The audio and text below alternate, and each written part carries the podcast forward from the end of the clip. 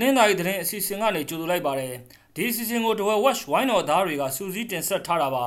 ဒီနေ့တင်ဆက်ပေးမယ့်သတင်းတွေကတော့ထိုင်းမြန်မာနယ်စပ်ကုံသွယ်ရေးလမ်းကိုအတုံးမပြုကြဖို့တားမြစ်လိုက်တဲ့အကြောင်းစစ်ကောင်စီတပ်သားတွေလိုက်ပါလာတဲ့လှေသည်တဝဲမြစ်ထက်နစ်မြုပ်သွားတဲ့အခြေအနေပြူစောထီတွေအဖမ်းခံရပြီးနောက်တရချောင်းမှာတိုက်ပွဲဖြစ်ပွားခဲ့တဲ့အကြောင်းစစ်ကြောင်းထိုးခြင်းစစ်ကောင်စီတပ်ကဖမ်းထားတဲ့ဒေသခံတွေပြန်လွတ်လာပြီးဖြစ်တဲ့အကြောင်းကံပေါက်ဒေသကအမျိုးသမီးထပ်ဖမ်းခံရတဲ့အခြေအနေ ထိခီလမ်းမှာ KNU နဲ့ကော်တူးလေတပ်တို့ပြစ်ခတ်မှုဖြစ်လို့၄ဦးဒဏ်ရာရသွားတဲ့အကြောင်းပလောကစစ်ကောင်စီခန့်ရက်ွက်အုပ်ချုပ်ရေးမှုနေမိရှို့ခံရတဲ့အကြောင်းအပါအဝင် ထိုင်းတောင်ပိုင်းမှာထိုင်းလှုပ်ရှင်တဦးနဲ့မြန်မာသုံးဦးတနက်နဲ့ပြစ်တက်ခံရတဲ့သတင်းတွေကိုနားဆင်ကြရမှာပါ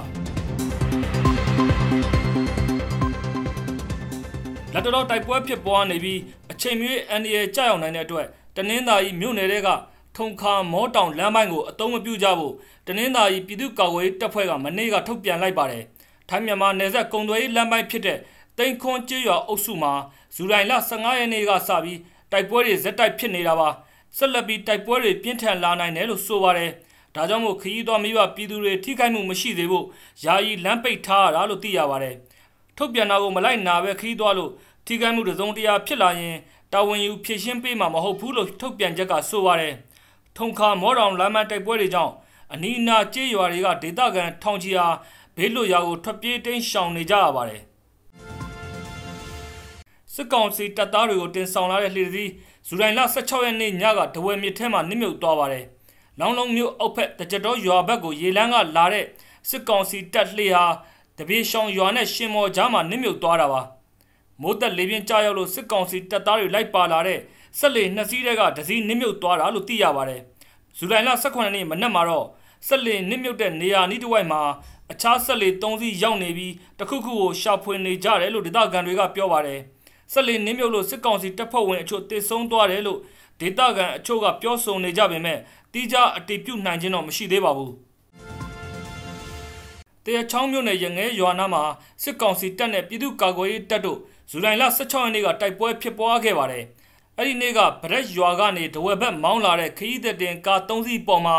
လိုက်ပါလာတဲ့ပြူစောတိ၅ဦးကိုပြည်သူ့ကာကွယ်တပ်ဖွဲ့တွေကဖမ်းဆီးခဲ့တယ်လို့ဆိုပါတယ်။ပြူစောတိအဖွဲ့ဝင်တွေကိုဖမ်းဆီးပြီးခရီးသည်တွေကိုတော့ပြန်လွှတ်ပေးလိုက်ပါတယ်။ပြူစောတိတွေအဖမ်းခံရပြီးနောက်မှာတော့ရငဲရွာမွေတောင်ပေါ်ကဆင်းလာတဲ့စစ်ကောင်စီတပ်နဲ့ပြည်သူ့ကာကွယ်တပ်တို့တိုက်ပွဲဖြစ်ခဲ့တာလို့သိရပါတယ်။တိုက်ပွဲတွင်စစ်ကောင်စီတပ်ဘက်က2ဦးသေဆုံးပြီး9ဦးလောက်ဒဏ်ရာရခဲ့တယ်လို့သိရပါတယ်။ တိုက်ပွဲကြောင့်ရငဲရွာအပါဝင်ဝဲရစ်ကမြိုင်ကနက်တီကျွဲမင်းကုန်းစတဲ့ရွာတွေကဒေသခံတွေထွက်ပြေးတင်းရှောင်နေကြရပါတယ်ရေပြူမြို့နယ်နဘူးလေဒေသကိုစစ်ကောင်စီတပ်စစ်ကြောင်းထိုးဝင်ရောက်လာချိန်မှာဖမ်းဆီးသွားတဲ့ဒေသခံ9ဦးကိုဇူလိုင်လ15ရက်နေ့မှာပြန်လည်လွှတ်ပေးလိုက်ပါပြီဇူလိုင်လ17ရက်နေ့ကတဝဲအထူးစီးပွားရေးဇုံဖြစ်တဲ့နဘူးလေဒေသကိုစစ်ကြောင်းထိုးလာပြီးနောက်မှာတော့ခမောက်ချောင်းရွာသား၄ဦးနဲ့လဲရှောင်ရွာသား၃ဦးကိုစစ်တပ်ကဖမ်းဆီးခေါ်ဆောင်သွားတာပါ။ ခမောက်ချောင်းဘက်ကနေဧကနိရွာဘက်ကိုစစ်ကြောင်းဆက်ထိုးသွားတဲ့စစ်ကောင်စီတပ်နဲ့ပြည်သူ့ကာကွယ်ရေးတပ်တို့ဟာနိုင်ပိုင်းအကြတိုက်ပွဲဖြစ်ပွားခဲ့တယ်လို့သိရပါတယ်။အဲ့ဒီနောက်မှာတော့စစ်ကောင်စီစစ်ကြောင်းဟာဧကနိရွာဘက်ကနေရင်းနဲ့စိတ်ကမ်းဘက်ကိုပြန်လဲဆုတ်ခွာသွားတယ်လို့ဆိုပါတယ်။စစ်ကောင်စီတပ်ဟာဇူလိုင်လ12ရက်နေ့ကစပြီးတဝဲအထူးစီးပွားရေးဇုံဧရိယာကမရင်ကြီးဘရဒတ်လဲရှောင်းထိန်ကြီးခမောက်ချောင်းဧကနိစတဲ့ရွာတွေကိုတရားဝင်တရားထက်စစ်ကြောင်းထိုးနေတာဖြစ်ပါတယ်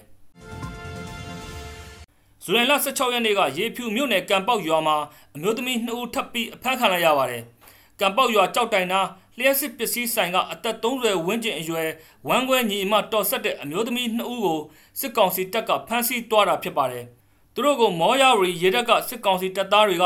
လာရောက်ဖမ်းဆီးသွားတာဖြစ်ပြီးဘလို့အကြောင်းရင်းကြောင့်ဖမ်းဆီးခဲ့တယ်ဆိုတာတော့မသိရဘူးလို့သိရပါတယ်။ဇူလိုင်လ15ရက်နေ့ကလည်းကံပေါက်ဈေးတွေကကုံစုံဆိုင်ပန်ရှင်မိသားစုဝင်၄ဦးနဲ့ အလုသမား2ဦးကိုဖမ်းဆီးခဲ့ပါသေးတယ်စစ်ကောင်စီတပ်ကလာရောက်ဖမ်းဆီးရမှာအိမ်လိပ်စာလူမျိုးတွေကိုစာရွက်တင်နဲ့ရေးသားလာပြီးမင်းမြန်ဖမ်းဆီးခဲ့တာလို့သိရပါတယ်ဇူလိုင်လ15ရက်နေ့ကကံပေါက်တက်တော်လမ်းဆောင်မှာမပေါက်ကွဲသေးတဲ့မိုင်းတွေ့ပြီးတဲ့နောက်မှာတော့အဲ့ဒီဒေသမှာဖမ်းဆီးခံရသူတွေဇက်တိုက်ရှိလာနေပါတယ်ဒဝဲမြို့နယ်မြစ်တာထီကီလမ်းမိုင်းကပြားစေးချောင်းသားမှာ KNU တပ်မဟာလေးလက်အောက်ခံတပ်နဲ့ကော်တူးလေတပ်မတော်တို့ပြစ်ခတ်မှုဖြစ်လို့ အရက်သား2ဦးအပါအဝင်4ဦးဒဏ်ရာရသွားခဲ့ပါတယ်။ကော်တူးလေတက်မတော်ကိုကရင်မျိုးသားလွတ်မြောက်ရေးတက်မတော် KNL တပ်ရင်း30ရဲ့တက်ခွဲနှစ်ခုကဇဇူလိုင်လ15ရက်နေ့မနက်ကပြားစေးချောင်းသားမှာပြစ်ခတ်ခဲ့တာလို့ဆိုပါတယ်ထိုင်းနိုင်ငံကိုတရားမဝင်တွားရောက်မဲ့မြန်မာရွှေပြောင်းအလုပ်သမား100လောက်ကိုချောင်းတစ်ဖက်ကန်းကိုဆက်လီနဲ့ကူးဖို့တွားကြိုပေးနေချိန် KNL တက်ကပြစ်ခတ်ခဲ့တာလို့သိရပါတယ်ဒီလိုပြစ်ခတ်တာကြောင့်ကော်တူးလေတက်က2ဦးနဲ့ ထိုင်းနိုင်ငံကိုတွားမဲ့မြန်မာရွှေပြောင်းအလုပ်သမား2ဦးလည်းဒဏ်ရာရသွားတယ်လို့ဆိုပါတယ် KNU ဘက်ကတော့အဲ့ဒီပြစ်ခတ်မှုနဲ့ပတ်သက်ပြီးလက်တလောထုတ်ပြန်ထားတာမတွေ့ရသေးပါဘူး KNU တက်မဟာ၄စီဆက်သွယ်မင်းမြတ်ဖို့ကြိုးစားခဲ့ပေမဲ့လည်းဆက်သွယ်လို့မရတဲ့အတွက်မသိရသေးပါဘူး။ကရင်တိုင်းသားဘာသာနဲ့ကရင်သတင်းတွေမှာဖော်ပြချက်တွေအရကော်တူးလေတက်မတော်ဘက်ကပြစ်ခတ်တဲ့လက်နက်ကြီးကြောင့်အရက်သားနှုတ်ဒဏ်ရာရရှိခဲ့တယ်လို့ဆိုပါတယ်။တနင်္သာရီတိုင်းအခြေစိုက် KNU တက်မဟာလေးလက်အောက်ခံတပ်ဖွဲ့အချို့နဲ့ကော်တူးလေတက်တို့ကြား တင်းမာမှုတွေရှိနေပြီးအခုနှစ်ထဲမှာပြစ်ခတ်တိုက်ခိုက်မှုအ ਨੇ ဆုံး၄ကြိမ်လောက်ဖြစ်ပွားခဲ့ပါတယ်။ကရင်လက်နက်ကင်နှစ်ဖွဲ့ကြားစီရေးတင်မာနေတာကိုငင်းညံ့တဲ့နီးနဲ့ဆွေးနွေးအပြေရှာကြဖို့တိုင်းတွင်းနေကရင်ပြည်တွေကတောင်းဆိုထားကြပါတယ်။ဇူလိုင်လ15ရက်နေ့ညကပလောမျိုးအမှတ်၁ရက်ကွက်ကစစ်ကောင်စီခန့်အုပ်ချုပ်ရေးမှူးနေမီရှို့ခံလိုက်ရပါတယ်။နေမီရှို့ခံရတဲ့အုပ်ချုပ်ရေးမှူးကအမှတ်၂ရက်ကွက်အုပ်ချုပ်ရေးမှူးဖြစ်ပြီးနှစ်ထပ်အိမ်ဖြစ်တယ်လို့သိရပါတယ်။ နေမီရှို့သူတွေကလှေနဲ့လာပြီးမီးလောင်ဘုံနဲ့ပစ်သွားတာဖြစ်ပြီးလူထိခိုက်မှုမရှိဘူးလို့သိရပါတယ်။လက်ရှိအချိန်ထိဘယ်အဖွဲ့ကလှုပ်ဆောင်နေဆိုတာကိုတော့မသိရသေးပါဘူး။မီးရှို့ခံရပြီးတဲ့နောက်စစ်ကောင်စီတပ်ကပလောချောင်းရိုးတိလျှောက်ကနတ်အင်ကန်မော်ကျောင်းရွာတွေဘက်ကိုလက်နက်ကြီးနဲ့ပစ်ခတ်ခဲ့တယ်လို့ဒေသခံတွေကဆိုပါတယ်ထိုင်းနိုင်ငံတောင်ပိုင်းချွန်ဖော်ခရိုင်တောင်ချေကရောဘာချန်မှာမြန်မာလူသမား3ဦးနဲ့ထိုင်းနိုင်ငံသားအလုတ်ရှင်တို့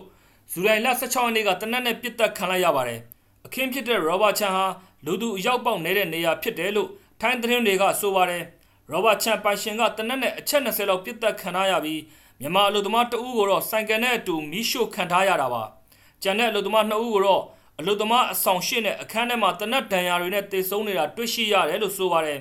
တနက်သမားကမြန်မာအလုပ်သမားတွေကိုတနက်အရှင်နဲ့တူးချင်းလိုက်လံပစ်တက်ခဲ့ပြီး ထိုင်းလှုပ်ရှင်ထွက်ပြေးနေချိန်အနောက်ကနေအချက်ပေါင်းများစွာပစ်ခတ်ခဲ့တာလို့ထိုင်းသတင်းတွေမှာဖော်ပြထားပါတယ်တနက်သမားကထိုင်းလှုပ်ရှင်ရဲ့ကောင်းကိုခိုးယူပြီးထွက်ပြေးလွတ်မြောက်နေစေဖြစ်တယ်လို့လည်းသိရပါတယ်